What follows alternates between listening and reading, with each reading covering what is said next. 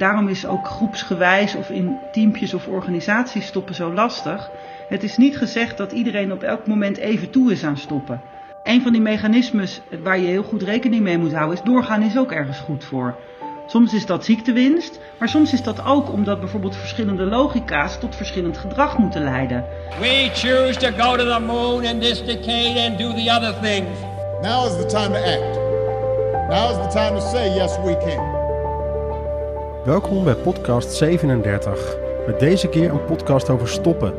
Het stoppen van projecten, ideeën en initiatieven. Persoonlijk stoppen met bijvoorbeeld roken of drinken is al een hele klus. Stoppen in de context van een organisatie vraagt weer wat anders. Stoppen in organisaties is moeilijker omdat je met een team mensen bent en dan hoeft er maar één individu te zijn die toch doorgaat. Met Marije van den Berg heb ik een gesprek over het onderwerp stoppen en hoe je dat doet. Heel praktisch, stoppen doe je niet op het moment, vertelt ze. Veelal vraagt stoppen een langere periode dat je ermee bezig bent. Stoppen is zo het systematisch beëindigen van initiatieven of triggers die er in de tussentijd toch steeds opkomen. De uitgebreidere verhandeling van stoppen is dat je verschillende fasen doorloopt. Mocht je interesse gewekt zijn, Marije heeft er ook een boek over geschreven. Ik las haar boek zonder te stoppen uit. Voor nu wens ik je veel luisterplezier. Marije, fijn dat je er bent. Fijn om hier te zijn. Ja, ik heb je boek gelezen. En ehm, hoe lang is die uit? Uh, hij is in het najaar van vorig jaar uitgekomen. Uh, en uh, de planning was natuurlijk dat dan alle podia vol zouden stromen met leuke lezingen over het onderwerp. Maar ja, dat was even anders. Dus hij is nu een halfjaartje uit. Ja, dus, dus ik heb hem volgens mij ook al een half jaar. het boek over stoppen, het triggerde mij meteen. Um, want we weten zo weinig over stoppen. We weten heel veel over doorgaan, over nieuwe dingen doen, over nieuwe dingen opzetten. Maar over stoppen weten we eigenlijk heel weinig. Um, dus daarom had ik meteen zoiets, die moet ik in mijn podcast hebben. Dus ik ben echt heel blij dat je er bent. Ah, leuk. Nou, ik vind het ook heel leuk. Ja, het is inderdaad waar. Stoppen is best wel een, uh, uh, een verwaarloosd thema. Gek genoeg, op individueel niveau weten we er best veel van. Hè? Dan kan je allemaal boekjes lezen over stoppen met piekeren, stoppen met eh, rommel verzamelen, stoppen, nou, van allerlei stoppen. Maar in organisaties inderdaad uh, is het een onontgonnen terrein. De eerste vraag die ik eigenlijk gewoon voor je heb, en die is best wel generalistisch, met waarschijnlijk ook wel uh, het risico dat je helemaal leeg loopt, is gewoon de vraag, wat moeten organisaties weten over stoppen? Wat moeten, wat moeten we als organisaties of directeuren, besturen weten over stoppen? Nou, volgens mij is het belangrijkste dat je moet weten dat het een optie is. En dat is, al, dat is best wel al revolutionair. Uh, want uh, als je kijkt hoe, hoe wij uh, gewired zijn, zowel als mensen als als organisaties, dan is doorgaan en actie ondernemen en dingen doen, dat staat zoveel malen hoger op allerlei lijstjes dan dingen niet doen, stil blijven, afwachten, de pauzeknop indrukken, uh, of zelfs uh, dingen beëindigen. Ja, dat is niet, uh, dat, dat lijkt bijna niet natuurlijk. Terwijl als je gewoon naar de natuur kijkt, is het natuurlijk heel, nou dat hoort er helemaal bij, hè? geen lente zonder winter. Uh, maar op een of andere manier uh, uh, hebben we in on onze organisaties daar niet echt mechanismes voor. En je zegt ook, hè, organisaties zijn er ook om zichzelf in stand te houden.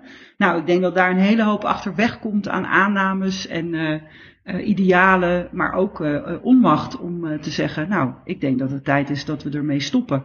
Hè, dat, is, dat is niet natuurlijk. Dus, dus het is een optie. Um, en verder denk ik dat het belangrijk is om te weten dat het ook werk is. Um, in mijn boek citeer ik Hans Vermaak, die het dan heeft over de vingerknip of het kloeke besluit om iets af te schaffen. En wat je ziet is dat dat nog wel eens heel stoer wordt gedaan door het voorbeeld wat heel dankbaar is in mijn, uh, in mijn boek is tijdschrijven in de zorg. Nou, dat is door allerlei klo kloeke ministers van volksgezondheid afgeschaft en niet gestopt. Uh, omdat dat werk is. omdat dat betekent dat je moet nadenken over, nou ja, op welke plekken vindt dat wat we willen stoppen eigenlijk allemaal plaats. En waar hebben we dus opruimwerk te doen. En in de gesprekken naar aanleiding van het boek ben ik ook tot de conclusie gekomen dat stoppen ook heel huishoudelijk werk is. En dus ook niet zo in aanzien staat. Het is gewoon schoonmaken en onkruid wieden en onderhoud en beheer. En dat is, nou ja, dat is nou niet het, het werk in organisaties uh, wat meteen bovenop de apenrots belandt, zeg maar. Dus dat zijn denk ik wel uh, ja, bredere, generalistische, zo je wil, uh, gedachten daarover. Wat ik mooi vind is dat je zegt het is een optie. En heel vaak wordt het wel ergens op, als optie neergezet, we kunnen toch stoppen.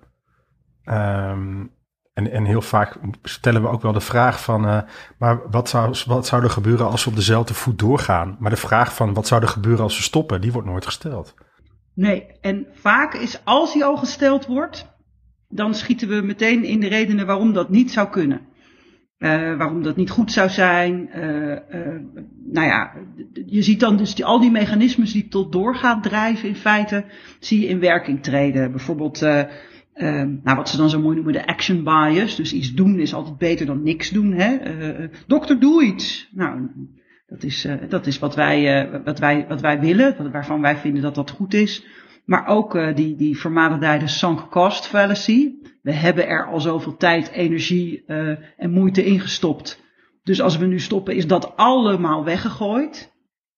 Maar ook het feit dat als je ergens mee stopt, je meestal pas later daar de vruchten van gaat plukken. Eerst doet het vooral pijn. Dus dat betekent ook dat degene die beslissingsbevoegdheid heeft of de macht heeft om te zeggen we stoppen ermee, vaak zelf niet de, de, ja, de organisatorische vruchten daarvan gaat plukken.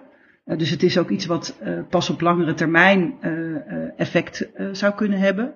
Tenzij het natuurlijk een crisis is en dan mag het weer. Maar dan doe je het vaak ook met de botte bijl. Dus dan gaat het ook niet goed. Hè? Dan kun je zeggen, we, we schaffen die hele afdeling af. Of we trekken de stekker eruit. Maar dat ja, is meestal niet heel zorgvuldig, is meestal pas op het eind.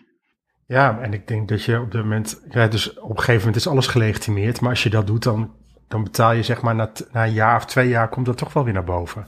Ja, want je ziet dan ook dat, um, uh, kijk, we doen natuurlijk dingen niet omdat we gek zijn, maar omdat ze uh, zin hebben of zin hadden.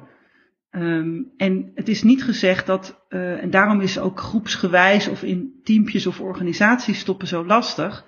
Het is niet gezegd dat iedereen op elk moment even toe is aan stoppen. Um, maar goed, stoppen doe je alleen maar als het allemaal tegelijk doet. Uh, want als er één iemand doorgaat, onder de radar of via een omweggetje, dan is het nog niet gestopt. Uh, en dat vraagt dus ook heel veel coördinatie en communicatie en expliciet maken. Terwijl het expliciet maken van stoppen ook vaak weerstand uh, oproept. Hè. Als je bijvoorbeeld, ik neem vaak voorbeelden uit de politiek, omdat iedereen die wel een beetje kent. De verplaatsing van de marinebasis naar Zeeland, die niet doorging. Ja, je weet dat op het moment dat je ook maar een sprankje van uh, suggestie wekt dat het wel eens niet door zou kunnen gaan, dan ben je het kwijt. Hè, net als dat de leider die zegt, uh, nou ik kom niet meer terug als lijsttrekker bijvoorbeeld. Vanaf dat moment is hij zijn leiderschap kwijt.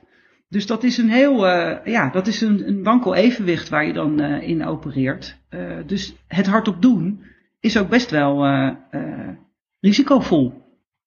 Ja, en insinueren dat stoppen misschien een optie is, is eigenlijk al zeggen dat je wil stoppen hè, in de politiek. Zeker, zeker. En, en vaak zie je het omgekeerde. Ik betrap mensen er wel eens op dat ze heel hard roepen: stoppen is geen optie. Ja, dan weet je dat ze natuurlijk al lang en breed hebben, in hun bed hebben liggen woelen over de mogelijkheid om te stoppen. Ja, dat mooi Ga je dat, niet zeggen? in je boek. Ja. ja. Ja, nee, maar dat is natuurlijk gewoon de andere kant op redeneren. En waarom zou je, ja, als stoppen geen optie is, dan heb je er eigenlijk al lang over nagedacht. Ja, en als je dat roept, dan snap je allemaal redenen waarom je niet zou moeten stoppen. Maar daaronder zit natuurlijk de aanname, het zou wel eens heel mogelijk misschien een optie kunnen zijn of nodig ja. zijn. Ook al is het pijnlijk, of uh, moet je er heel veel werk voor verzetten, of, doet het, of moet je er zelfs mensen voor ontslaan. Het is natuurlijk niet, uh, het is geen kattenpis, maar uh, dat is wel wat er aan de orde is. Nou, ik denk dat het ook gewoon heel zorg, vraagt veel zorgvuldigheid. Ja, daarom denk ik dat ik het zo belangrijk vind dat het in organisaties ook meer aan de oppervlakte komt.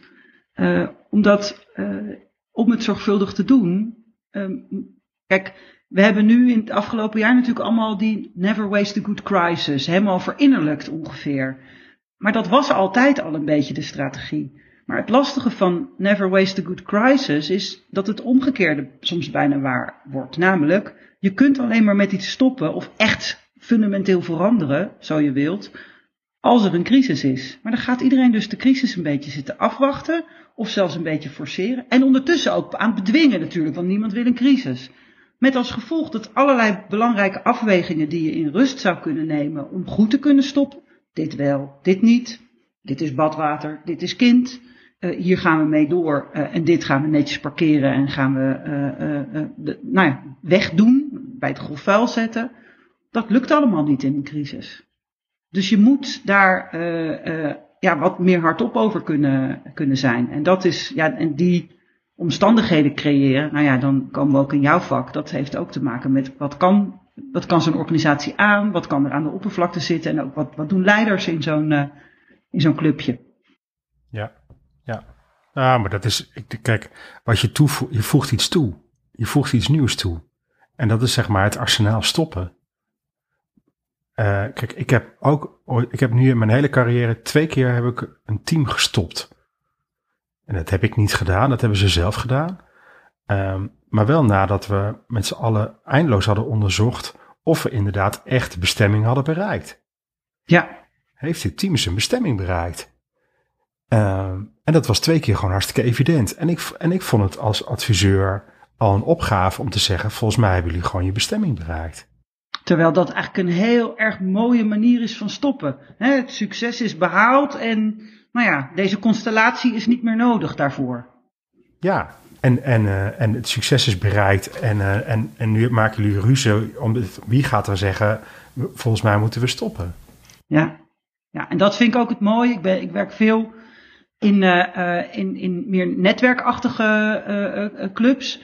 het mooie van netwerken vind ik dat ze dus verdwijnen zodra ze niet meer nodig zijn. Soms niet hoor, dan is, zijn ze al bijna een organisatie. Maar je ziet dat als de energie eruit is of het doel weg is, om wat voor reden dan ook, ja, dan, dan ebt het weg. Dan verdwijnt ook die organisatievorm. Uh, terwijl natuurlijk in, in uh, formele organisaties dat echt wel, uh, ja, daar moet je handelingen voor verrichten en, en dingen voor doen. Nou, en, dat, en daar hebben we echt een, een heel, nou ja, daar is de gereedschapskist nog behoorlijk leeg. Dus uh, ik laat me ook graag door jou uh, inspireren, Mark. Nou ja, maar dat is, kijk, weet je, ik heb toen die teams, die zijn toen gestopt, hè. Ik, ik had gewild dat ik je boek had gehad. Want daarna zei ik, ja, volgens mij moet ik gewoon stoppen. En die mannen zijn gewoon gestopt. Die hebben het bedrijf verkocht. Ja, nou dat is ook nog, dat zou bijna een afscheidsritueel kunnen zijn, die handtekening zetten. Ja, maar, maar uh, uh, daarin uh, ben ik niet betrokken geweest. Oeh. Dus, dus, dus, ja. ja, terwijl het heel logisch is, als ik je boek lees, denk ik, ja, hallo Reinders, kom op man. Daar hadden we een feestje van moeten maken. Of, Daar hadden we echt een veel groter feestje van kunnen maken. Ja, ja, ja, ja, ja. Dus, dus, dus je hebt een proces van stoppen, beschrijf je in je boek. Ja, wat ik uh, zeg maar uit, nou, ik ben uit nieuwsgierigheid gaan kijken van wat is daar eigenlijk over bekend. Maar toen merkte ik vrij weinig. En uh, al snel dacht ik, ja, dan, dan lijkt het me ontzettend tof uh, om daar zelf een boek van te maken. En toen ik één keer dat idee had, wist ik ook, oh ja, dit is, ik, ik werd er zelf in ieder geval heel knetter nieuwsgierig van. En nou, dat is wel belangrijk als je een, een, jaar of langer met een onderwerp aan de slag gaat. En wat ik heb gedaan is um, heel erg veel geresearched en vervolgens gekeken, zit daar, nou, zit daar enige volgorde in? Of, en ik heb dus natuurlijk, want het is een managementboek, dat in vijf stappen uh, beschreven. En er zit wel een logica in de volgorde, maar het gaat natuurlijk ook over de vijf aspecten van stoppen waar je, uh, waar je naar kunt, uh, kunt kijken. Um, dus het is niet gezegd, ja, dat je, nou ja, het is, het is in zeven stappen slank, maar uh, ja, je kan best met stap drie beginnen. Hè. Jij noemde net bijvoorbeeld uh, zo'n bedrijf dat verkocht is uh, uh, en waar, wat voor die mannen dus een einde was. En dat je zegt, ja, dan moet je een feestje van maken. Nou, dat is de, de middelste stap eigenlijk van het stoppen, het afscheid nemen. Um, en daar hebben we in onze organisaties al behoorlijk weinig um, ja, werkvormen voor in feite. Hè. We hebben de kick-off meeting en de startnotitie en de, nou noem maar maar heb jij ooit echt een goede stopnotitie uh, ergens over uh, gezien? Ik niet. Um, en een, kick-out meeting of een, nou ja, ik, ik heb in mijn boek ontdekt hoe het heet, maar ik ben nou alweer vergeten. Niemand kent die term. Uh, um, je hebt wel ook meetings om, nou ja, de boel stil te leggen, maar ja, dat, dat doen we dus niet. Dus dat, dat is een, de middelste stap. Maar het begint in feite um, met, hè, als stoppen een optie is, dat je dan niet meteen in iets nieuws schiet. En dat is natuurlijk, hè, in onze organisaties springen we vaak over naar, nou dan maar dit. En uh, wat je ook ziet is als organisaties een beetje in verwarring zijn of zoekende zijn, um, dan gaan ze ook alleen maar harder lopen. En dan ga je ook uh, soort uh, signalen zien waarvan je denkt, ja nu weet ik het. En waar ik dat bijvoorbeeld in organisaties heel sterk in proef, is als het uh, ongeveer om het half jaar een andere naam krijgt, wat we aan het doen zijn. Hè, dus uh, dan, dan gaan we van, van Scrum naar Agile, naar opgave gestuurd, naar, nou, dat is elke, en, en elke keer als er een adviseur komt of een boek met een nieuw woordje, dan, dan, dan duikt iedereen op dat woordje en denkt, ah, oh, ja, dat gaat ons verlossing uh, bieden. Ja. En dat is eigenlijk het, ja, het hele tijd denken van, nu weet ik het echt. Terwijl uh, die verwarring vaak komt, uh, omdat, je, ja, omdat je een dood paard achter je aansleurt, waarmee gestopt moet worden. Maar ook dat je, dat je dus accepteert, dat je dus even niet weet hoe dan wel. Um, en dat is iets in zo'n zo'n dat is zo'n zo'n soort de Oprah Winfrey onder de zen-boeddhisten, Pima Chodron. Die uh, doet hele mooie lezingen voor heel veel Amerikaanse vrouwen die daar dan helemaal lyrisch van worden. Maar ze heeft ook wel heel veel wijsheid hoor. het is een mooie monnik, begrijp ik. Maar ja. het is zo'n het is zo'n ster, zo'n stergoeroe, weet je wel. Um, maar zij heeft op een gegeven moment heb ik een keer een lezingenserie van haar gelezen, van haar gevolgd. En ik kan hem niet meer vinden. Ik denk ook dat ze hem hernoemd heeft of zo. Maar toen heette die positive groundlessness. En uh, wat zij beschrijft is um, dat als je dus met iets wil stoppen, en dit ging dan vooral over dingen als verslaving of gedrag wat je niet meer wil of zo, en heel erg op het persoonlijke, dat dus de trigger om dat steeds weer te doen, omdat dat nou eenmaal het paadje is en de groef waar je aan gewend bent, dat als je daarmee wil stoppen, dan moet je waarderen dat je groundless bent, dat je zwevend bent. Want het nieuwe pad is er nog niet, of is nog heel onduidelijk, of nog heel moeizaam. Die nieuwe routines en processen heb je allemaal nog niet. Maar het feit dat je, het dus, dat je dus even zweeft, dat je dus denkt, nou niet dit, maar ik weet ook nog niet wat dan. Ja, dat is iets wat, wij heel ingewikkeld vinden als mensen. Hè. Wij houden niet zo van onzekerheid. Wij zijn naar zekerheid zoekende uh, diertjes. Dus de eerste stap van goed stoppen is dat afremmen en dus ook accepteren. Ik weet het even niet. Uh, en als we dit niet meer gaan doen, als we hiermee gaan stoppen, dan is er dus nog even niks nieuws. Nou, en dat vond ik wel heel belangrijk om te benadrukken. En er zit ook een keerzijde aan. Uh, ik sprak bijvoorbeeld, uh, ik heb voor BNR een aantal podcasts gemaakt over stoppen. En dan sprak ik Willem Sramade. En hij is de schrijver van het boek Duurzaam Kapitalisme. Schrijft over transities in eigenlijk de hele financiële wereld en hoe we die duurzamer kunnen maken. En hij zei ja, in werelden die gemaakt zijn eigenlijk van risicomijding. En de financiële wereld is zo'n wereld. En ik loop zelf veel rond in het lokaal bestuur. Dat is ook zo'n wereld. Je kan niemand laten vallen en er mag niemand tussen de mazen door. Um, daar heb je iets nodig om naar over te stappen. Anders laat je het niet los. Dus ik ben daar wel genuanceerder over gaan denken. Ik was wel heel streng. Zo van ja, je moet niet meteen wat nieuws hebben.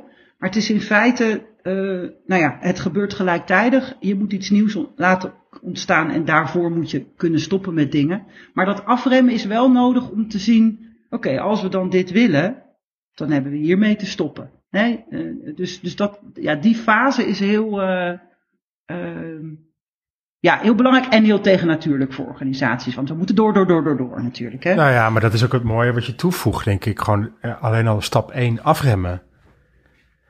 Want, want het gaat namelijk over het feit dat je elkaar vindt in het comfortabel verloren zijn. Zo noem ik dat dan. Dus comfort, comfortably lost heb ik ooit eens een keer geleerd. Ik weet al niet meer waar het vandaan komt. Oh ja. Net als wat jij zegt, groundless. Dus comfortabel verloren zijn. Uh, ja. en, en zolang je maar comfortabel verloren bent, uh, dan kan je in ieder geval het gesprek voeren en de dialoog houden met elkaar. Maar zodra het oncomfortabel wordt, dan moeten we zeker het gesprek hebben met elkaar.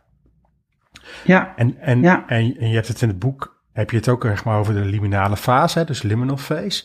Dus daar waar even niks is.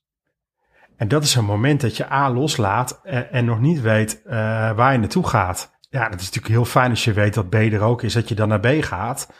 Maar ja, durf je ook even niet te weten waar je naartoe gaat. Dat is wel echt een uitdaging.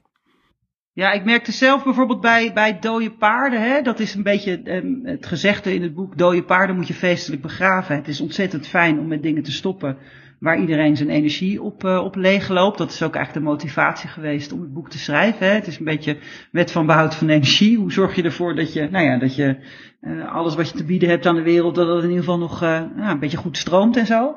En um, wat ik ook op een gegeven moment merkte is als je uh, die dode paarden ontstaan vaak als er hele hoge verwachtingen ook zijn. Vooral ja, daarbuiten, ofwel in jezelf, maar in ieder geval onrealistisch. Of in ieder geval, je weet stiekem wel dat ze onrealistisch zijn, waar ze ook vandaan komen, maar je blijft toch doorgaan. En je kunt alleen maar zo'n doodpaard begraven als je ook die verwachtingen echt helemaal naar beneden brengt. Uh, en als je dan wel iets wil, iets wil bereiken of iets voor elkaar wil krijgen, maar die verwachtingen zijn heel laag, dan kom je eigenlijk in zo'n, in die onderzoekende staat. Hè? Dat je denkt, ik wil heel graag iets, maar ik, maar ik weet, maar ik ben comfortably lost. In feite is, is iedereen die uh, onderzoek doet, is in die, in die staat van zijn. Je kan alleen maar onderzoeken uh, als je je kunt laten verrassen. Uh, als, je, als je ook af en toe een paadje in durft te lopen waarvan je niet weet of het misschien leidt tot die gloeilamp niet uitvinden. He, dat moet misschien wel honderd keer. Nou, en, en dus moet je niet de verwachting hebben, nou, nu ga ik weer, ja, je bedoel, je moet wel de intentie hebben om een gloeilamp uit te vinden. Maar, niet, maar je kan het niet verwachten. Dat als je dat, ja, dan, dan ben je, sta je niet meer open voor. En zoals DNA ook uh, niet gevonden is omdat ze DNA wilden vinden, maar omdat ze een cure voor cancer wilden. En toen ineens ontdekten ze DNA. Ja, dat was niet de verwachting. Dus dat zijn best wel nou ja, dat helpt wel, denk ik, om als je, als je in een situatie zit van ja, niet dit, maar wat dan? Om dan tegen elkaar te zeggen, ja, we zijn niet verdwaald, we zijn, we zijn hier. Hè? Dus. Uh, uh, ja, want je hebt het zeg maar over die verwachtingen, hè? En je zegt die verwachtingen moeten dan naar beneden. Hoe doe je dat dan? Ik, want, want, ik ga dan systemisch kijken. Dan denk ik, oké, dan maak ik een opstelling. En dan ga ik zeggen, oké, die verwachtingen die, die zijn nu op jullie geplakt. Maar waar komen die verwachtingen nou eens vandaan? Dus laten we terugzoeken, waar komen die verwachtingen dan vandaan? En, aan wie, wie heeft hier ooit beloofd, ik los dit op? Ja, maar dat is precies de goede vraag, uh, Mark. En dan maak je een prachtig bruggetje naar dat preciezer kijken in de tweede stap. Namelijk, waar komen nou eigenlijk die verwachtingen vandaan? Wie heeft dit eigenlijk besteld? Uh, bestaat diegene nog die, die dat ooit besteld heeft, wat we nu aan het doen zijn?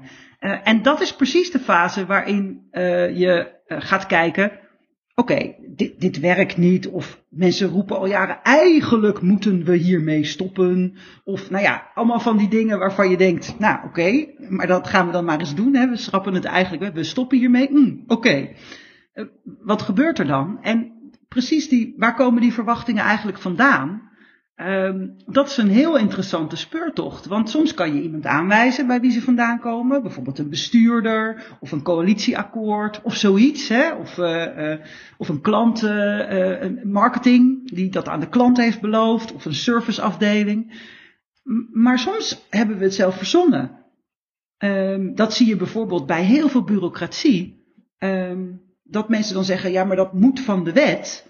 En als je dan vraagt, waar staat dat dan in de wet? Dat het nergens staat. En soms is er dan een ander protocolletje wat bedacht is, maar het idee dat dat, dat niet, dat, ja, dat is nou eenmaal zo. Ja, als je dat uh, inderdaad uh, onder de loep gaat nemen, dan wordt het heel uh, interessant, maar ook heel, je gaat dan ook ontmaskeren, hè?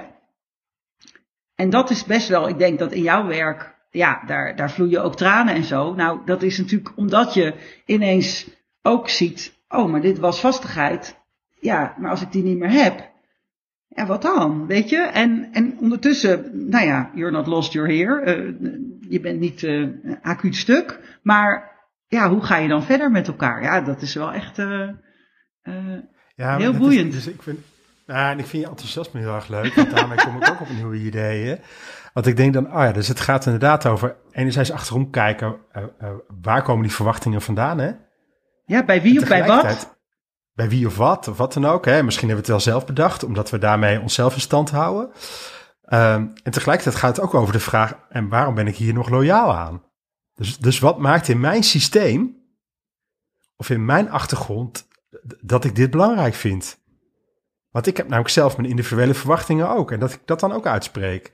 Ja, dat is mooi. En dat is, komt een beetje, een van die mechanismes waar je heel goed rekening mee moet houden, is doorgaan is ook ergens goed voor. Soms is dat ziektewinst, maar soms is dat ook omdat bijvoorbeeld verschillende logica's tot verschillend gedrag moeten leiden. En dan kun je wel zeggen, hè, we zien natuurlijk in de zorg heel veel, ja, de zorgprofessional moet, moet het kunnen bepalen. En die managementlogica of die bureaucratische logica, ja, die moet, die moet de deur uit. Ja, dat is natuurlijk niet zo. Hè? Je moet dat op een of andere manier met elkaar zien te verenigen. Um, en op het moment dat je heel met de botte bijl zegt, nou, uh, we, we, trekken gewoon de deur dicht voor alle bureaucratie en iedereen doet maar wat uh, waar die zin in heeft, dan snapt iedereen ook dat dat ja, uiteindelijk niet per se leidt tot betere zorg voor een publiek beetje acceptabel budget. Dus je voelt dat die logica's botsen. Um, en, maar je wil ook, je wil misschien wel delen daarvan dus door laten gaan en delen ook weer niet. Nou, en dat, ja, super interessant. Ik heb ook bijvoorbeeld uh, um, een artikel geschreven met een aantal mensen over stoppen met ambtelijk taalgebruik. En juridisch taalgebruik. En je snapt meteen dat voor een deel is dat ja, verpakken van pijnlijke boodschappen, uh, jezelf mooier en groter en slimmer en weet ik veel wat maken dan je eigenlijk bent. Of alle onzekerheid een beetje wegpoetsen met mooi jargon. Maar bij juristen zit er ook een heel diep staatrechtelijk rechtvaardigheids ja, gevoel niet eens, maar gewoon een ambitie op dat niveau in. Ja, dan kan je wel zeggen, juristentaal, nou, dat snapt niemand. Nee, maar dat is ook niet de bedoeling van juristentaal. He, die juristentaal is ergens anders voor. Nou, en als je dan met elkaar gaat kijken van waar is het dus nodig om de juridische bijsluiter te maken, en waar is het nodig om juridische brief te maken met een begrijpelijke bijsluiter, nou, dan ga je met elkaar volgens mij veel preciezer, zullen we dan hiermee stoppen en dit doorgaan. En ja, dat, dan voel je dat het gaat passen. Hè, en nou ja, ik ben altijd van de moet passen of het past niet. Hè, dat zit een beetje in mijn uh, hoofd. En waar het, en waar het, en waar het niet past, daar, daar lekt het weg. En dus wil je dat het allemaal een beetje past op elkaar. Uh, en als het past, dan kan het stromen zonder, zonder weglek. Ja, ja. En wat kan er dan wel door en wat kan er niet door? Hè? Dat is ook misschien ook wel het afscheidsproces wat je dan moet doen. Dat je gewoon echt bewust stilstaat. Wat stop ik hiermee? En wat gaat er dan nog door? En misschien ook wel, wat is het potentieel wat ik gewoon uh, verlies? Ja, en dat, um, kijk, je ziet bijvoorbeeld uh, dat uh, organisaties, en ik loop dus veel bij de overheid rond, die, een, iemand zei tegen mij, prioriteren is ons verbloemwoord voor stoppen. En dan hebben we het over de, de vijf of, of dertien of achttien of 27 prioriteiten. En de rest, ja, dat is Going concern heet dat dan, of zo. ja. ja, dat gaat gewoon door. Ja. Dat is een heel interessante term, toch? Ja, dat je denkt, ja, we, dit vinden we heel belangrijk. We hebben uh, een nou, beperkte hoeveelheid tijd, beperkte hoeveelheid geld. Kunnen we een beetje politiek mee spelen. In de tijd, in de budgetten, in de verschuiving. En dan hebben we going concern. Ja, maar als het eenmaal daarin zit, komt het er nooit meer uit. Dat denk ik. Dus ik heb ja. ook, ook, ooit eens een keer ergens een reorganisatie gedaan. En, um, en, en dat was ook in de overheid. En dat, dat was, uh, nou ja, ik ga het gewoon zeggen, was bij de politie. Ja. En uh, daar hadden ze ook heel veel afkortingen. Dus we hadden iets geïnstalleerd. Uh, en, um, en dat hadden we bedacht in die groep. En, en toen zei ik op een gegeven moment, stel nou dat die afkorting, als er een afkorting is daarvoor, dan moet je maar weer bellen. Want dan zit het in het systeem en dan kunnen we ermee aan de gang. En iemand keek me aan, die zei, wat bedoel je nou? Ik zei, nou ja, weet je, als we er nu mee aan de gang gaan, dan is het te snel. Want dan wordt het uitgestoten. Totdat jullie het, en jullie hebben het geïnternaliseerd op het moment dat er een afkorting voor bestaat. En dan kunnen we er echt mee aan de gang. En dan kunnen we het doosje gaan vullen. Dus je moet eerst een afkorting hebben en dan pas kan je vullen. Oh, wat goed. Nou, zo geschieden. Ja, oh, wat goed. Ja, dat is, ik heb zelf ook wel eens met managers uh, uh, eigen uh, instrumentjes gebakken. Dat is ook leuk om te doen. Dat je een interventieinstrument maakt. En het belangrijkste daarvan is dat je het een naam geeft. je kunt je voorstellen dat een beetje uit het raam kijken en niks doen, dat wordt niet geapprecieerd. Maar als je zegt, ik ben even diep aan het reflecteren. En zeker als je dan bijvoorbeeld duik, gründlich ausziehen of weet ik veel. Nou, dan, dan, kan, je, dan kan het ineens. Dan kan je het in je agenda zetten. En dan, ik Volgeoorloofd. ja, ongeoorloofd, weet je. Of je zegt, uh, uh, dat, dus we hebben daar woordjes voor nodig. Maar dat is inderdaad ontzettend interessant. Uh, we hadden het net over dat we steeds nieuwe termen ergens voor verzinnen. Maar dat is natuurlijk ook een teken dat we extreem zoekende zijn. Um, uh, en als het één keer een, een, term heeft. Ik ben voor mijn volgende boek ook heel erg veel aan het lezen over uh, metaforen. En over ja, wat ze dan zo mooi noemen structurerende metaforen. Dus op het moment dat het een naam heeft, wat een beeld oproept, ja, dan, dan doet het iets met een mens. Dat is heel. dus zo'n afkorting, ja, dat is wel echt super interessant. Ik, ik, ik heb ook een, uh, in, in mijn boek ook een afkorting, dat ging over een, uh, uh, een gemeente waar ze vonden dat, dat, dat initiatieven hooguit drie jaar subsidie mochten krijgen. En daarna moesten ze hun eigen broek ophouden. En daar hadden ze ook een afkorting voor. En nou moet ik ineens denken, dat is dus ook niet uit te roeien meer. Want dat was gewoon EBO, eigen broek ophouden. En ja, dat, ja, dan, ja, dan is het een waarheid geworden. Oh, wat interessant. Leuk. Ja, ja, dus dat is misschien ook wel in het kader van afleren en aanleren. Dus jij zegt, ja, je moet het een naam geven. Maar helemaal als het een afkorting heeft, ja, dan is het gewoon gebeurd. Ja, ja dan is dezelfde, bete betekenis niet meer echt belangrijk. Ja, dus is dit project nou EBO of niet? Dan denk je, EBO, EBO? Ja, eigen broek ophouden. Ja, maar weet je, dus dan hebben ze ook nog eens een keer een taal verkapt dat het door kan blijven gaan. Ja, want ik weet nog, ik, jaren terug zat ik in de raad en toen was ik bij een wijkgroep en toen werd er de hele tijd iets, werd rotik genoemd. Het was een soort invulformulier waarin je dan kon aan, en, en dan moest je het rotik formulier. En eigenlijk betekende dat gewoon, weet je een beetje wat je aan het doen bent en is er geld voor of zo. Maar dat was ook een soort, ja, ja, mooi. Ja, jargon werkt zo lekker wat dat betreft. Ik ben ook niet tegen jargon hoor, maar het is leuk om te merken wat het dan doet in, uh, uh, in zo'n organisatie. Nou ja, en ik denk ook wel dat, um, dat je met je boek nieuwe jargon aan het maken bent. Dat kan niet anders. Dat hoop ik, want ja, want dan is het sexy. En, als het, en, zo, en dan is het even sexy en dan moet het gewoon worden. Ja, dan moet het gewoon weer going concern worden. Dus, dus dan is jouw missie geslaagd als stoppen ja. going concern wordt. Nou, in ieder geval. Kijk, en, en, en, heel, en heel praktisch. Uh, mensen zeggen dan, wat, wat moet je dan precies doen? Nou, een heel klein praktisch dingetje wat je, wat je bijvoorbeeld kunt doen, wat hier een beetje aan raakt, is tussenkopjes. Uh, ik ben van huis uit journalist, uh, dus ik hou van structureren van teksten. En tussenkopjes, als je een, een format hebt met een tussenkopje wat je moet vullen, ja, dan ga je er aandacht aan besteden. En in feite is een tussenkopje is een soort, ja, een soort output indicator of geef het een andere naam. Maar dat, dat is super belangrijk. En we zien dus in onze uh, voorstellen bijvoorbeeld, staat geen kopje, uh, wanneer is het klaar, uh, onder welke voorwaarden stoppen we ermee. Terwijl als je dat tussenkopje toevoegt, ja, ga je dan opschrijven zoals bij sommige communicatieparagrafen niet van toepassing?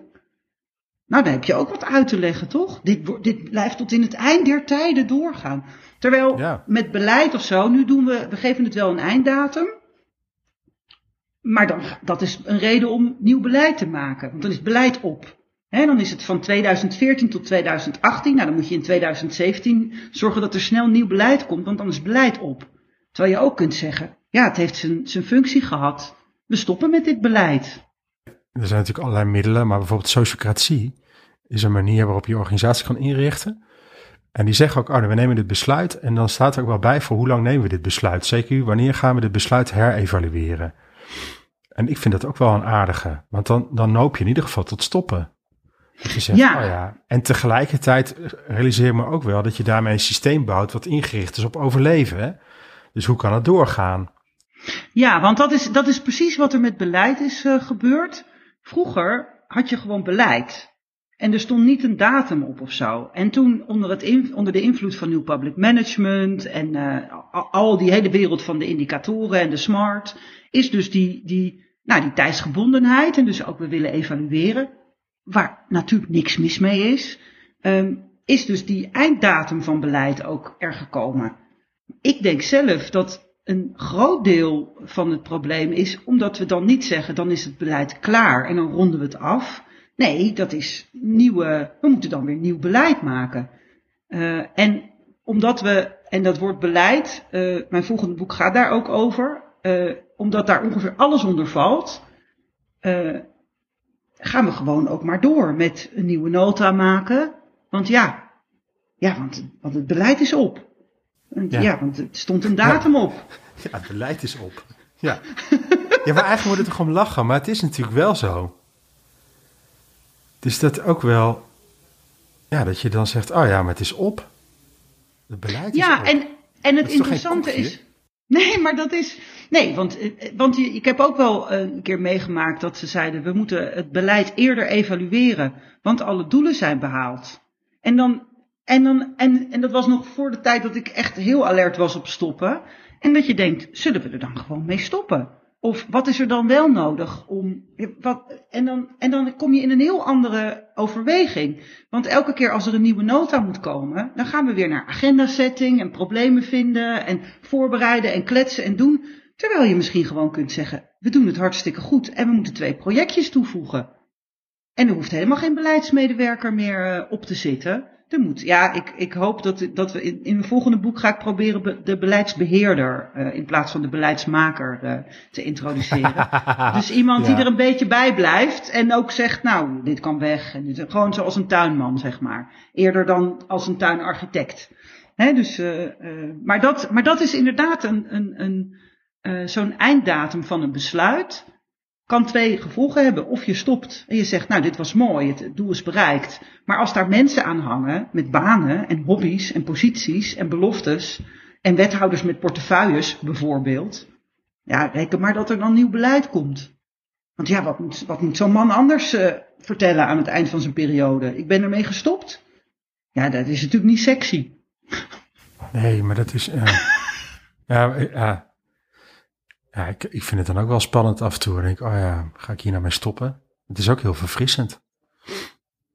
En dat is, ja, maar mensen willen altijd langer door. Weet je, mijn bedrijf Ja. heet Enzym. En, en ik verbind me aan dingen die je kan veranderen. En als het klaar is, laat ik los. En ik zeg ook tegen klanten heel vaak dat ik altijd eerder weg ben dan dat ze eigenlijk zouden verwachten. Want als het klaar is, is het klaar. En ik heb echt best wel een paar keer gehad dat ik zeg, volgens mij is het klaar. En dat ik eruit ga, dat ze zeggen, nee, maar je moet blijven. Ja, maar, maar waar moet ik blijven? Het is toch klaar? Ja, Ja, Ja, maar, dat is de- ja. Maar bij jou gebeurt er Maar in ieder geval wat. Ja, Ja, en dat is, maar dat is ook een soort. eh, eh, hè, dan, dan breng jij de actie of jij brengt de verandering. Ik, ja, ik weet het niet. Ik denk dat het ook. ook eh, ehm, kijk, nou ga ik even. De, hoe noem je zo iemand? Eh, future guru of zo uithangen. Ik denk- Ze ik trekt nu een heel raar gezicht Ja, over ja, voor, de, ja. voor de luisteraar. Ja. Nou, Nou, doe jij even je goeroe, Marije. Je futuro- futurologische- Futurologische blik. Nou, ik denk serieus, en dat is ook een verlangen, maar eh, je, zodra je het neerzet bestaat het. Ik denk dat we de, het decennium van het beheer ingaan. Ehm, eh, dat we toe moeten naar, eh, ik bedoel, van groot, hè, de aarde, tot aan onze organisaties. Ehm, als we uitvoering en beleid, of uitvoering en besturen dichter bij elkaar moeten brengen, dan moeten we begrijpen eh, dat dat gaat over een langere periode van de dingen doen en een klein beetje bijwieden en bijsturen. En dat heet nou eenmaal beheer. En ehm, ik denk ook dat, eh, dat we dus toe moeten naar mensen ehm, die dat werk ook eh, interessant vinden. Ehm, daar ben ik er overigens, ik ben er zelf heel slecht in. Maar je ziet gewoon dat in organisaties de mensen die van de pilots en de opstarten en de experimenten en de nieuwe, nieuwigheid en de innovatie, ja, die, die zijn het meest sexy. En de mensen van eh, beheer en continuïteit eh, en zorgvuldigheid en eh, een beetje klein, klein beetje bijsturen en de checklistjes, die hebben minder status. Ehm, de uitvoerders en beheerders. Want uitvoeren is nog een soort, dan kan je nog denken, nou dan sla je nog eens ergens een paal. Maar als die wijk er eenmaal is, dan, ja, dan is er ander werk te doen. En dat is vaak veel langduriger en rustiger. En ik hoop heel erg, maar ik denk ook dat het nodig is, eh, dat we in onze organisaties daar eh, beter in worden. Eh, en dat we dus alles wat te maken heeft met innovatie, met beleid maken, met agendasetting, dat dat meer dienstbaar wordt aan uitvoering en beheer. In plaats van dat uitvoering en beheer een soort, nou ja, hier hebben we de waterval en zoek het maar uit met je uitvoering. eh. En dan kan je, dan kan je allerlei dingen aanwijzen. Ik, ik was hier, ehm, ik ben hier al een tijdje mee bezig, maar je ziet dan die ziet het dan natuurlijk overal. Maar inmiddels door het toeslagenschandaal en ook de hoorzitting over de uitvoeringsorganisaties, ziet echt iedereen het nu. Dus ik ben daar niet, zeg maar, niet dat ik de enige was die het zag of zo, maar het is er. It cannot be unseen. En de truc is nu, denk ik, uh, om te kijken, wat kunnen we in onze organisaties, met name de publieke organisaties, nu uh, gaan doen, opdat uh, beleid en bestuur dienstbaar wordt aan kwalitatief hoge uitvoering. Um, en dat is echt een iets anders. Ja, maar ik denk dat je dan tot de conclusie moet komen dat je eigenlijk wil je gaan beheren, moet je het geheel afremmen. Ja, die hysterie moet eruit. Dus die impuls, de impuls van uh, altijd maar weer vernieuwen, altijd maar weer had, volgende, volgende. Nee, laten we gewoon eens even rustiger afremmen en gewoon ja. gaan beheren.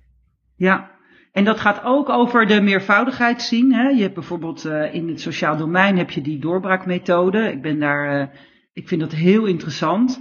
Ik vind dat niet alleen interessant omdat dat het bouwt eigenlijk een muur om ingewikkelde en complexe zaken heen en zegt: zullen we nou hier binnen de beste oplossing kiezen?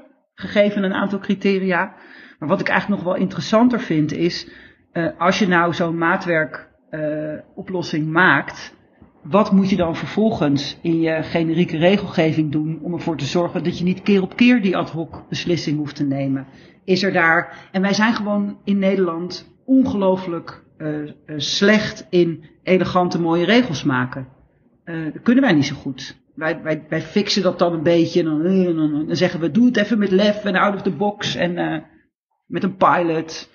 Dus inderdaad, die, die, die hysterie en dat um, elke keer weer opnieuw iets nieuws verzinnen, wat dan zogenaamd weer voor iedereen geldt, hè? want dat is het natuurlijk ook. Ja. Nieuwe methodiek. Maar nieuw is sexy, nieuw is uh, levendig, nieuw is, weet je, dat, de, ja, uh, oh, en, en, um, en dat heb je eindeloos. En ik heb, ja. gisteren heb ik een sessie gedaan over verkennen van de toekomst met trends. Dat deden we met opstellingen. En ik stond op een gegeven moment zelf als trend, uh, omdat ik een, iemand te weinig had in de breakout room. En ik kon zelf voelen hoe de trend, uh, hoe ik als trend een beetje door midden werd gescheurd. Dus er een, een deel door en een deel bleef achter. En, en, ik, en dat was één. En het tweede was dat ik dacht. Wat, wat was het? Wat was je? Wat, welke trend was jij? Ik was gewoon de trend. Dus, Ook, dus de, ik maakt niet uit. De, de, de, generieke trend. Dus we hadden iemand als ja. emergente toekomst. Hè, dus dat, dat is de toekomst die op ons afkomt. Eentje als, uh, als, als de organisatie of een organisatie. Als je een organisatie die daar iets mee moest. Dan, ja. En ik was dan de trend. Um, en ik moet er niet zo algemeen over een de trend, maar ik was de trend. Uh, en ik kon voelen hoe ik door midden werd, uh, door, hoe ik werd gesplitst. Want er was namelijk een deel wat, in, wat, wat van mij verder ging in de organisatie richting die toekomst. En er was ook iets wat achterbleef. En dat was eigenlijk het vernieuwende. Maar tegelijkertijd dacht ik ook, maar, maar van wie ben ik nou eigenlijk? Waar, kom ik als trend vandaan? En, en, ik, en, en ik dacht, op een gegeven moment, ik denk, ik ben ook wel iets van een commercieel iets of zo. Hè? Van welk bedrijf ben ik nu weer bedacht, wat dan weer vernieuwend is, uh, wat we dan weer kunnen uitvinden en uh, kunnen verkopen. Oh ja. Dus, dus waar komt die trend nou vandaan? En er zijn dus verschillende trends volgens mij. Ja. Er zijn wat meer maatschappelijke trends, zoals jij die noemt. Uh, die gaan over hoe kunnen we dit dan goed regelen. Uh, maar er zijn ook bezigheidstherapie-trends van een bestuurder die denkt: ach, ik moet wel zorgen dat ik wethouder blijf. Ja. Dus wat ga ik dan weer bedenken? Ja, ja, ja dat is ja, echt heel boeiend ook. En, um, en bij dat alles, hè, want dat gaat natuurlijk over verandering en dat gaat over, nou ja, uh, uh, zoals Willem de Koning, uh, de Willem de Koning Academie die quote heeft: I have to change to stay the same, staat daarop op de muur, die, die is, dat is natuurlijk heel erg aan de orde. Um, als stoppen daarbij een optie is, gewoon een optie, um, ja, dan, dan wordt het volgens mij wel makkelijker om jezelf passend te maken op wat er nodig is. Um, alleen, uh, wat je dus wel merkt, is dat als, stoppen een optie is, um, dat gaat ook altijd gepaard met uh, onthullen en ontmaskeren van iets wat ooit werkte en bijvoorbeeld nu niet meer zo passend is. Uh, en jij gebruikte net het woord loyaal. Dat is, dat is niet een woord wat heel erg in mijn vocabulaire zit, maar het, het, raakte mij meteen. Omdat ik dacht, ja, dat loyaliteit aan iets wat niet meer nodig is, ja, dat is ontzettend uh, uh, heftig om dat te voelen. Dat je denkt, ja, maar ik kan toch niet ineens zeggen dat ik dat ideaal niet meer heb. Of dat het niet meer nodig is om dat ideaal te hebben, bijvoorbeeld. allemaal stichtingen ter bevordering van de her, hervormde oudere dame, die er niet meer zijn, bij wijze van. Hè? Alles is PKN. Ja, maar je hebt altijd diehards. Dus dat vind ik ook met loyaliteit ook weer. Hè? Dus we hebben een groep met twintig man en uh, die is, iets aan doen. En die zijn daaraan loyaal. De helft komt tot de eigenlijk komt iedereen tot de conclusie: het is niet handig dat we dit nog doen. We moeten ermee stoppen. Tien daarvan die zeggen: ook, ik krijg mijn loyaliteit op, ik ga wat anders doen. Maar daarmee verschuift natuurlijk de het container loyaliteit naar minder mensen. Dus die worden heftiger. Ja. Iemand moet het doen. En iemand moet het doen. Dus, dus ja, wie, heeft, wie is hier de loyaliteits... Wie, ja, wie heeft hier de, de loyaliteitsclown? Wie is hier de loyaliteitsclown? Ja, ja. En dan is het dus heel interessant, hè, dat, dat, eh, dat mechanisme van die definitiemacht. Wie mag bepalen dat iedereen het uit zijn handen mag laten vallen? Ja. En dat mag misschien wel zelf hoor. Dat mag je misschien ook wel zelf bepalen of een keertje uitvinden. En dat is natuurlijk ook altijd met overtuigingen van ja, maar als ik het niet doe, gaat het helemaal mis. Ja, nou ja, heb je dat al uitgeprobeerd? kan je ook de overtuiging kiezen, als ik, het, als ik het niet doe, komt het ook wel goed? Is ook maar iets wat in je hoofd zit. Dus dat vind ik ook wel leuk, want als je dan nadenkt over stoppen, dan gaat het ook heel vaak over cultuur. Hè? En cultuurverandering is heel moeilijk. En toen ging ik daarover nadenken. Denk, ja, natuurlijk, dat zal heel moeilijk zijn. Want anders waren er niet zoveel mensen die er hun geld mee konden verdienen. Maar het is ook tegelijkertijd heel makkelijk, omdat een ander verhaal vertellen aan elkaar. Dat is ook een kwestie van een ander verhaal vertellen aan elkaar. Dus, dus het, ja, daarom is denk ik dat omdenken ook zo populair. Je denkt, oh ja, je kan er ook weer anders naar kijken. Ik bedoel, gisteren had bijvoorbeeld op Twitter een gesprek over wie van jullie uh, eet vleesvervangers en vind je dat nodig? En toen kwamen we tot de conclusie dat vlees misschien wel gewoon een groentevervanger was. Waarom eet je eigenlijk groentevervangers? En ineens denk je, wat een rare vraag. Maar dat is hetzelfde als met, uh, vroeger was het waarom drink je, waarom rook je niet? En nu is het waarom rook je wel? En nou, we zijn nu langzaam toe aan het groeien. Waarom stop je eigenlijk alcohol in je lijf? Wat is dat, waar is dat goed voor? In plaats van, wat raar dat je niet drinkt. Weet je, dus dat, dat is gewoon een kwestie van net even een ander perspectief kiezen. Dat is wel heel geestig, toch? Ja, maar dat vind ik ook wel het mooie gewoon van het werk. Dat je mensen toch weer een ander perspectief geeft. Ja. Dus dan zijn we toch wel iets aan het vervangen of zo. Maar ja, ik vind, ik vind het perspectief van stoppen, dat dat echt een perspectief is, vind ik interessant. Ja, en uh, ik ben nu met uh, Matthijs Stelenveld. Die, is, uh, die heeft boeken geschreven vooral over appreciative inquiry en positieve psychologie in organisaties. En die brengt dan ook in, ja, stoppen en waarderen sowieso van wat je gedaan hebt. En, en, en ook hoe moeilijk het is. Maar ook um, waartoe eigenlijk? Dus waar komt dan ruimte voor? En ja, ik heb aan het begin gezegd, hè, van ik ben een beetje voorzichtig om daar heel snel naartoe te bewegen. Je merkt bij mensen die stoppen moeilijk vinden, bewegen ze heel snel naar wat er dan allemaal voor in de plaats komt. Nou, voor je het weet hebben ze hun bord nog verder overvol geladen, want dat is allemaal zo fijn, dat nieuwe. En dat oude, ja, dat, ja, dat verdwijnt blijkbaar vanzelf. Nou, niet. Maar het is inderdaad zo dat, dat stoppen is soms ook rauwe en ingewikkeld en taaien en opschoonwerk. En nou ja, een beetje, duurt ook lang voordat je echt gestopt bent. En dan is het dus super belangrijk om je te realiseren, ja, maar waar wil je nou ruimte voor maken? Um, het voorbeeld in mijn boek, uh, bijvoorbeeld van een uh, organisatie die um, de werkverdeling anders ging organiseren. En die deden altijd, er komt een grote bulk werk binnen en, jij, en iedereen kreeg zijn stukje. En dat zorgde ervoor dat het leek alsof al het werk weg was, maar ieder had voor zich had een grote stapel werk die een beetje onzichtbaar werd. Voor elkaar ook. Dus zij zijn daarmee gestopt en zijn, uh, ja, wat ze dan noemen, gaan plukken. Dus daar ligt de grote berg werk. En je pakt pas een nieuw dossier eruit als je toe bent aan een nieuw dossier. En op die manier vul jij je eigen tijd. Daardoor hou je met elkaar overzicht over het hele werk. Nou, echt veel belangrijker dan uh, dat het lekker verdeeld is. Maar dat kost best een beetje tijd. En als je dan ziet van, dan moet je ook wel steeds weten, wat levert het nou op? Want het is natuurlijk die, die grote berg werk die daar ligt. Ja, dat, daar worden mensen ook wel benauwd van. Terwijl als die netjes verdeeld was, had iedereen het gevoel van nou, het is netjes verdeeld, opgelost, gefixt. En wat het opleverde was meer samenwerking, eh, kortere doorlooptijden, eh, minder dat de zware dossiers bij iedereen een beetje soort bleven rotten in hun bureau. Dus dat levert het allemaal op. Maar dan moet je wel met elkaar dan ook uitspreken. Uh, want elke keer als het moeilijk wordt, moet je zeggen: ja, maar waarom doen we dit? We doen het omdat we dan met elkaar verantwoordelijkheid nemen, la la la. Dus die combinatie is wel belangrijk. Alleen als je alleen maar de nadruk legt op we moeten met elkaar meer verantwoordelijkheid nemen, het is belangrijk om de doorlooptijden te vergroten, dan realiseer je niet dat je dus ook heel veel afleerwerk te doen hebt op, oké, iedereen zijn portie hard werken. Want dat was de natuurlijke neiging. Hè, die, uh, zoals ik dan noemde, joppie chips, de makkelijke optie die we gewend waren. Dat die groef hè, van, bij die Pema Chodron, die, die, die uh, sterrenboeddhist uit te komen, die groef waar je vanzelf inglijdt op het moment dat het ingewikkeld wordt. En daar dan niet inglijden, ja, dat is best wel, uh, uh, ja, dat is best hard werken. En daar moet je dus met elkaar ook toestemming voor hebben. En ook als het dan een keer misgaat, ook dat vieren. Hey, we hebben weer een trigger ontdekt, waardoor we in onze oude groef belanden. Hoera! Ja. Wie mag de zak, wie mag de zak met joppie chips openmaken? Dat, ja. dat, ja. ja. Ja, want een van de dingen, en dus wat ik interessant vind in je boek is ook dat je eigenlijk tot de conclusie komt dat er weinig instrumentarium is. Dus interventie-instrumentarium rondom stoppen.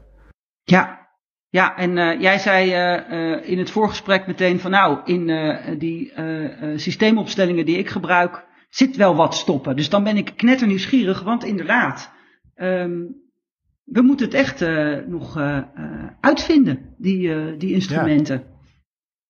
Ja, ja maar ik denk dat je ook het faillissement hebben we. Dat, dat hebben we. We hebben het faillissement. Nou, dat is in ieder geval één instrument. ja. Wat bedoel je daarmee? Nou ja, daarmee kan je dus een bedrijf stoppen. Dan zeg je gewoon failliet. Nou, opgelost.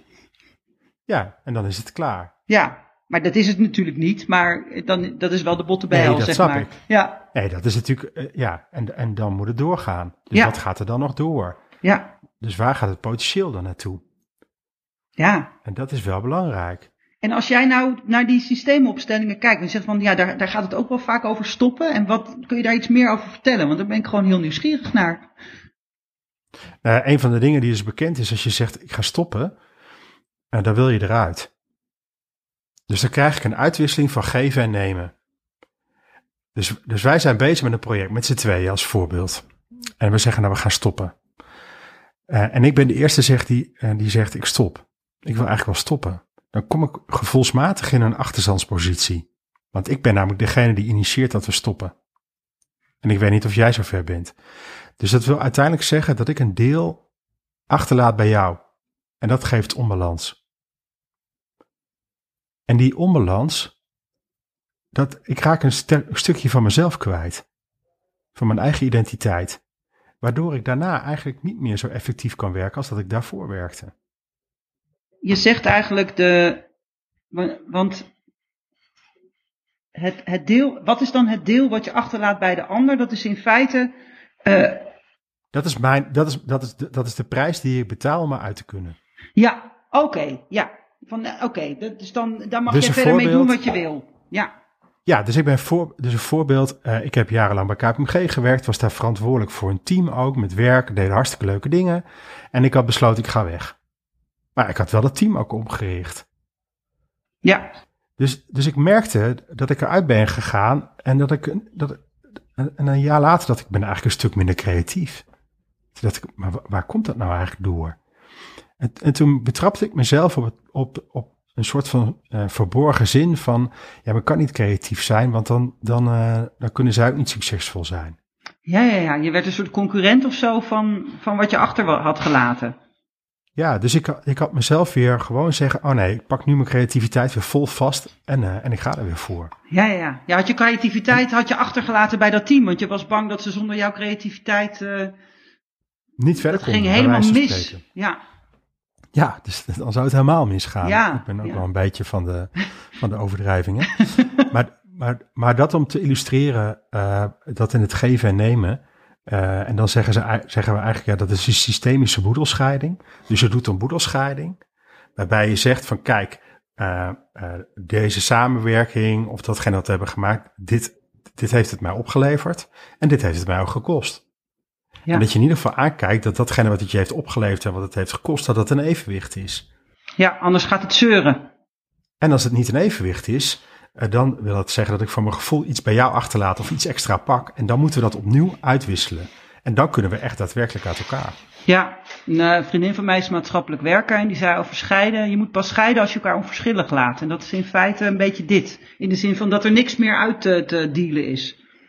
Ja, ja, dus daarom is ook bijvoorbeeld iemand die weggaat verplicht en hem een premie meegeven. Ja, eigenlijk geef je dan een soort van premie mee en voelt iemand misschien zich nog wel schuldig dat hij daar iets mee moet doen. Ja, oh ja. Dus je krijgt een schuldpositie. Ja. Oh, dus hoe noemde jouw vriendin dat? Ja, als je, je moet niet scheiden, uh, als je, je moet pas scheiden als je elkaar onverschillig laat. Ja. In de zin van dat het dan, dat het dan echt klaar is. Als je, en zij zei het eigenlijk andersom, je moet nog niet scheiden als je nog ruzie maakt.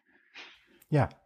Ja, dat is natuurlijk wel heel veel dan gevraagd. Dan is er dus nog maar... iets om ruzie over te maken. Ja, maar dan is er dus nog iets om ruzie over te maken. Dan is er iets wat nog niet uh, uh, geleveld is, wat, wat in evenwicht is. En, en daar moet je het over hebben. Ja, een, uh, een goede vriend van mij zei ooit: veel belangrijker dan een nieuwe baan goed starten, is je oude baan goed afronden. En dat, de, ik heb dat één keer niet kunnen doen. En dat, ja, dat is inderdaad, dat, dat blijft een soort, soort zuig, blijft dat. Van, van, van dat je denkt: oh ja, toen daar dat. En dat, dat je dat nooit helemaal uh, kan afsluiten. En dat is dan op het persoonlijk vlak.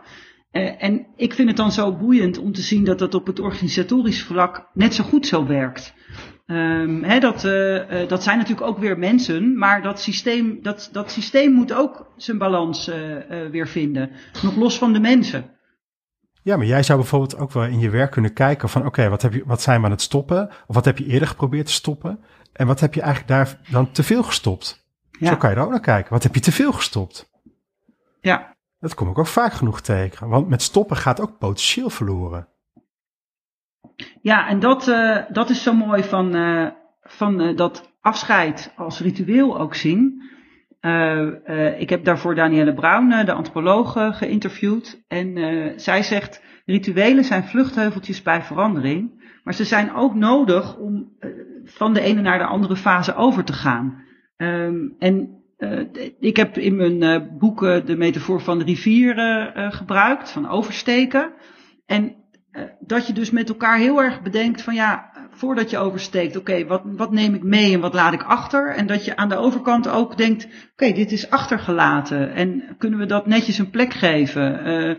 Kunnen we ervoor zorgen dat dat niet een beetje wegwaait met de wind, maar dat, ja, dat daar iets mee gebeurt? Um, en wat je dus ziet gebeuren in organisaties die dat hardop niet kunnen doen, dat stoppen en met elkaar daarover kunnen praten, dat je inderdaad uh, dan vervolgens nou ja, botte bijlen krijgt. Of dingen die dan blijven etteren.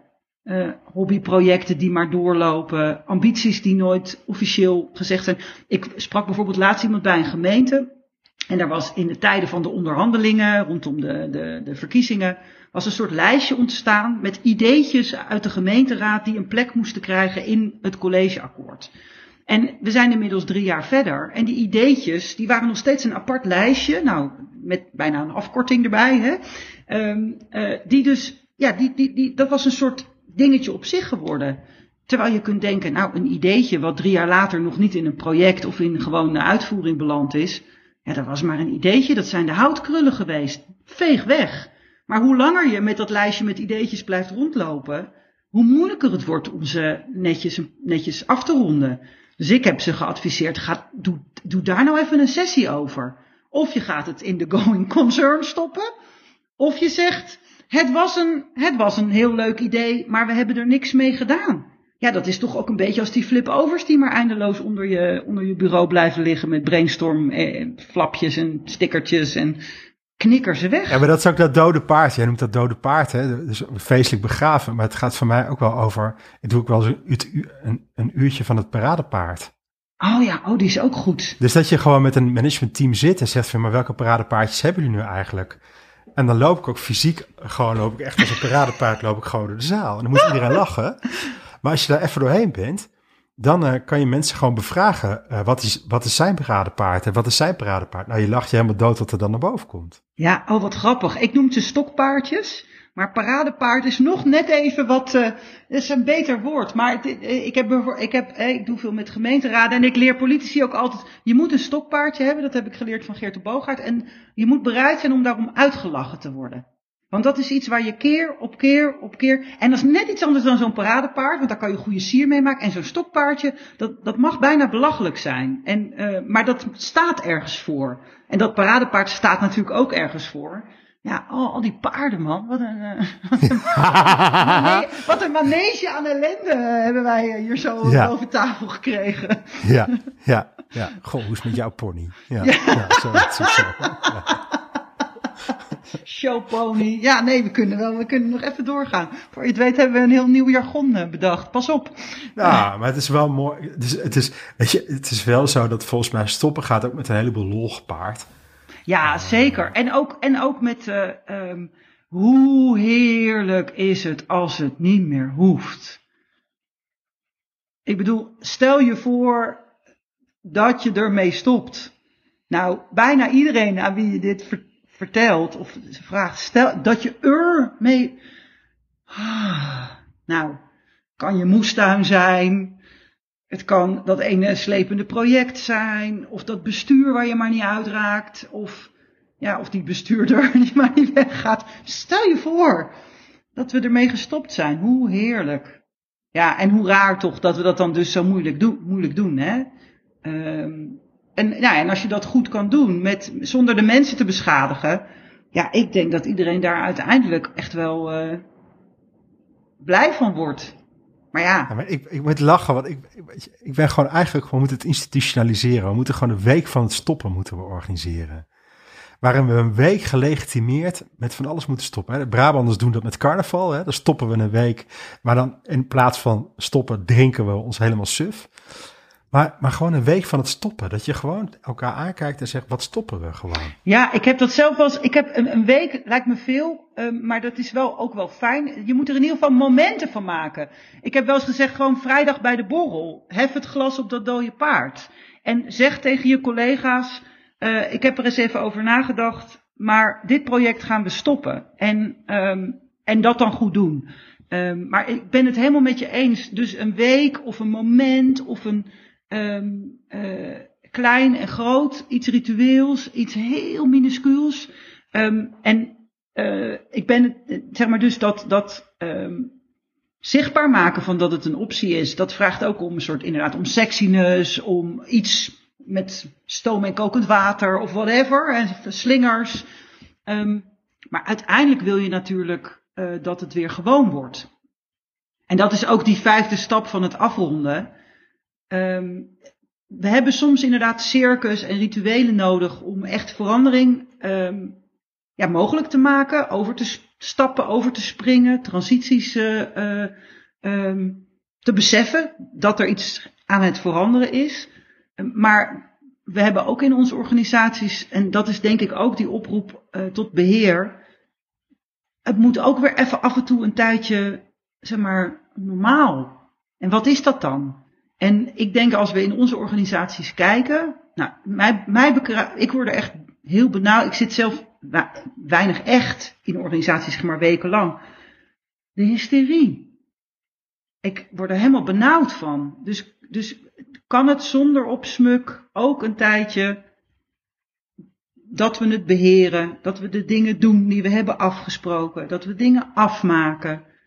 Kan het kan het ook een tijdje gewoon. En dat gewoon is dan heel bijzonder. Dus dat is een woord wat ik heel ingewikkeld vind. Maar dat dus. Um, ja, zullen we het gewoon beheren? Zullen we het gewoon beheren? Ja, ja. En, en het mooie van beheren is ook. Um, dat gaat over. Wat, wat gebeurt er nu? Uh, wat zien we? Uh, waar zijn we bij? Wat is er allemaal? Dus beheren is ook rete integraal.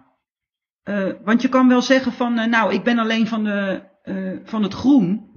Maar als die auto de hele tijd in je perk staat, dan moet je daar iets mee. Dus dan ben je ook van parkeren. Ineens. Dus, dus beheer gaat ook heel erg om ja, kijken wat er is. Wat is de kracht van de plek? de mensen die er wonen. Wat gebeurt hier nou? En wat is er nodig om dat ja, tot bloei te laten komen, letterlijk en figuurlijk.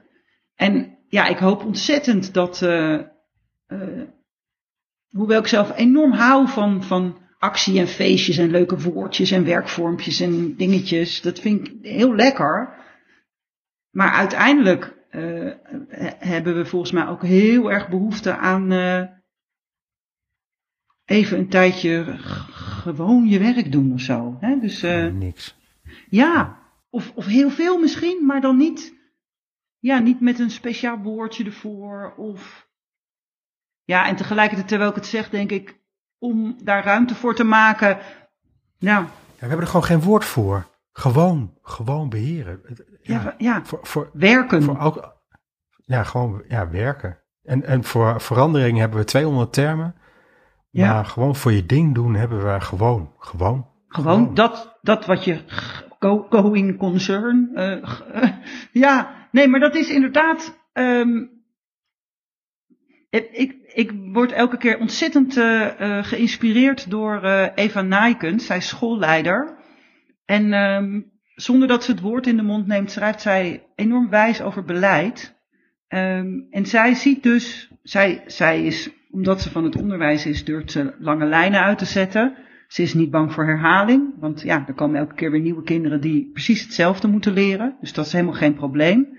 Onderwijs is eigenlijk één grote beheeroperatie, uitvoeringsoperatie. En daar gaat het vooral over standaarden en kwaliteitsstandaarden waar je aan wil voldoen.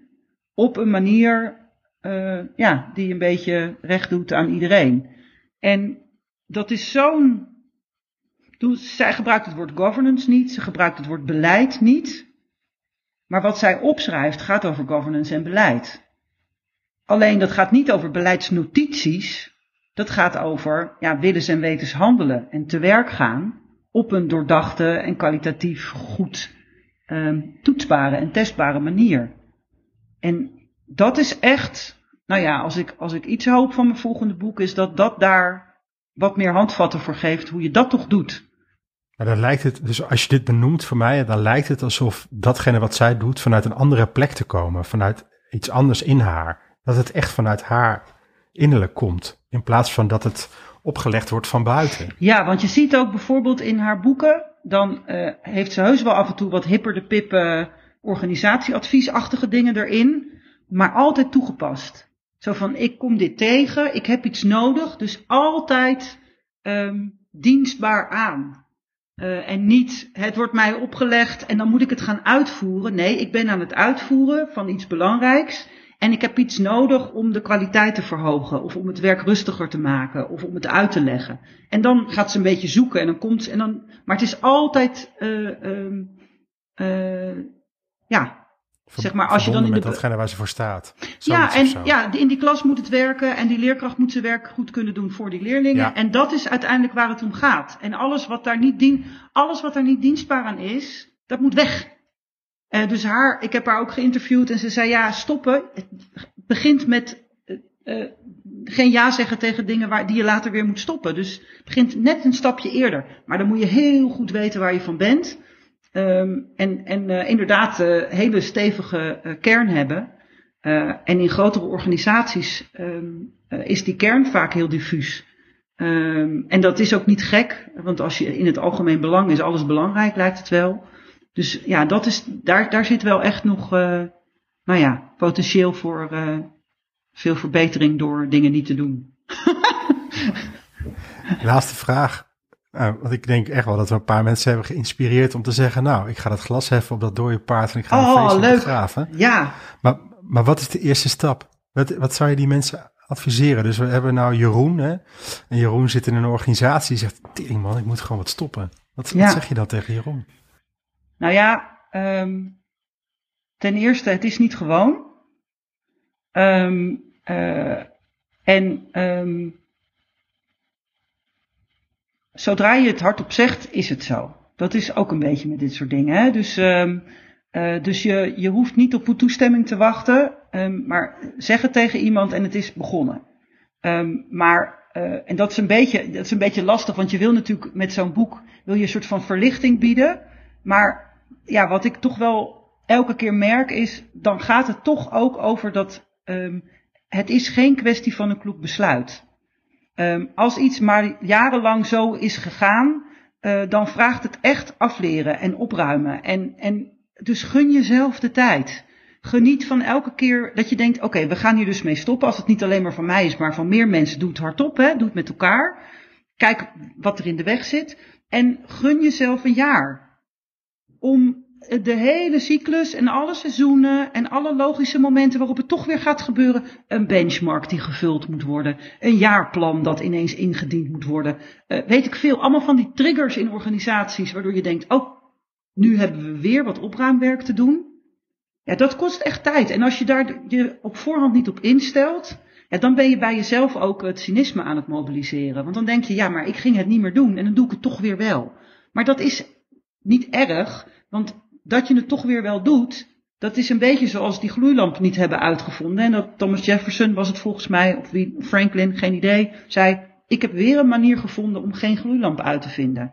Dus als je gaat stoppen in het afleerproces, ik heb weer een plek gevonden die ervoor zorgt dat ik er niet mee kan stoppen. En daar heb ik wat te doen. Bij mensen, bij routines. Dus Jeroen, fijn. En laat het tot je doordringen. Ja, dat het dus, uh, nou ja, dat het je stoppaardje dan maar moet worden. Om daarmee te stoppen. Zoiets. En, en dat is heel vervelend, want ik wil natuurlijk zeggen, het is gewoon een kwestie van niet meer doen. Maar dat is dus niet zo. Dat, en dat is ook precies um, de valse belofte, uh, die, die dus heel erg in die van, eh, van, net als stoppen met roken doe je ook niet op 1 januari. Dat doe je echt in de maanden daarna. Waarin je keer op keer denkt, oh, dit is een situatie waarin ik toch weer trek krijg om. Nou, dan moet je dat dus weer staan. En dat is helemaal niet erg. Uh, dat, is het, nou, dat is het werk. Ja, de stoppen begint met accepteren dat je het misschien nog wel een jaar gaat doen. Ja, niet misschien dat je het nog wel een jaar gaat doen. En misschien dan gaat het sneller, hartstikke fijn. En, uh, en inderdaad geniet van de ruimte die het geeft. Zoals uh, een, een, vergadering die nooit meer gehouden wordt, een gat in je agenda oplevert. En ja, en iedereen begrijpt ook, en dat gat is zo weer gevuld. Dus, dat is, dus, dus misschien is dat ook wel een jaar even wennen aan de ruimte en het niet laten vullen. Geen idee. Dat is, dat, hè, ik ben ook ik, ik heb onderzoek gedaan naar hoe dit werkt, maar ik ga ook, kan ook niet tegen mensen zeggen, hier zou je mee moeten stoppen. Ja, van Lelystad Airport, maar dat is ook een particuliere opvatting. He, dus dat, dat weten mensen echt alleen maar zelf, wat het nou precies is. Um, maar ik denk dat Jeroen het echt wel weet. Um, dus uh, alleen, ja, dat is toch een kwestie van ontmaskeren en aan het kaartenhuis rammelen. En uh, dat wordt heel spannend. Ja, ja leuk. Nou, ik kan alleen maar zeggen, go Jeroen. Ja, toch? Uh, en tegen jou uh, ga ik zeggen heel erg bedankt. Nou, ik vond het echt een super gesprek. Ik heb ook een beetje mee zitten schrijven en nou, hier is het laatste woord uh, nog niet over gezegd. En ik hoop ook niet tussen ons, want ik vind het echt heel, heel tof om te merken hoe we er vanuit verschillende invalshoeken dezelfde lol eigenlijk aan beleven. Dus wie weet dat we elkaar nog eens tegenkomen op allerlei plekken. Ja, dat is geheel wederzijds. Ik vond je energie echt heerlijk. Uh, dus, uh, en we gaan dit ook gewoon weer stoppen. Nou, laten we dat doen. En dan kunnen we weer uh, andere goede dingen doen. We gaan lekker lunchen en een wandelingetje maken of zo. Helemaal goed. Oké, okay. dankjewel. Hey, jij ook bedankt hoi, hoi. voor het gesprek. Tot snel. Dag. Zo zijn we weer aan het einde gekomen van een nieuwe podcast. Mocht je een vraag hebben naar aanleiding van de podcast of over organisatietransformatie in zijn algemeen dan kan je mij een mail sturen op markapenstaartovertransformaties.nl. Daarnaast kan je je op de website overtransformaties.nl inschrijven voor de podcast alert. Als er dan een nieuwe podcast is uitgebracht, krijg je hiervan een bericht. Nogmaals dank voor het luisteren en wellicht tot een volgende podcast.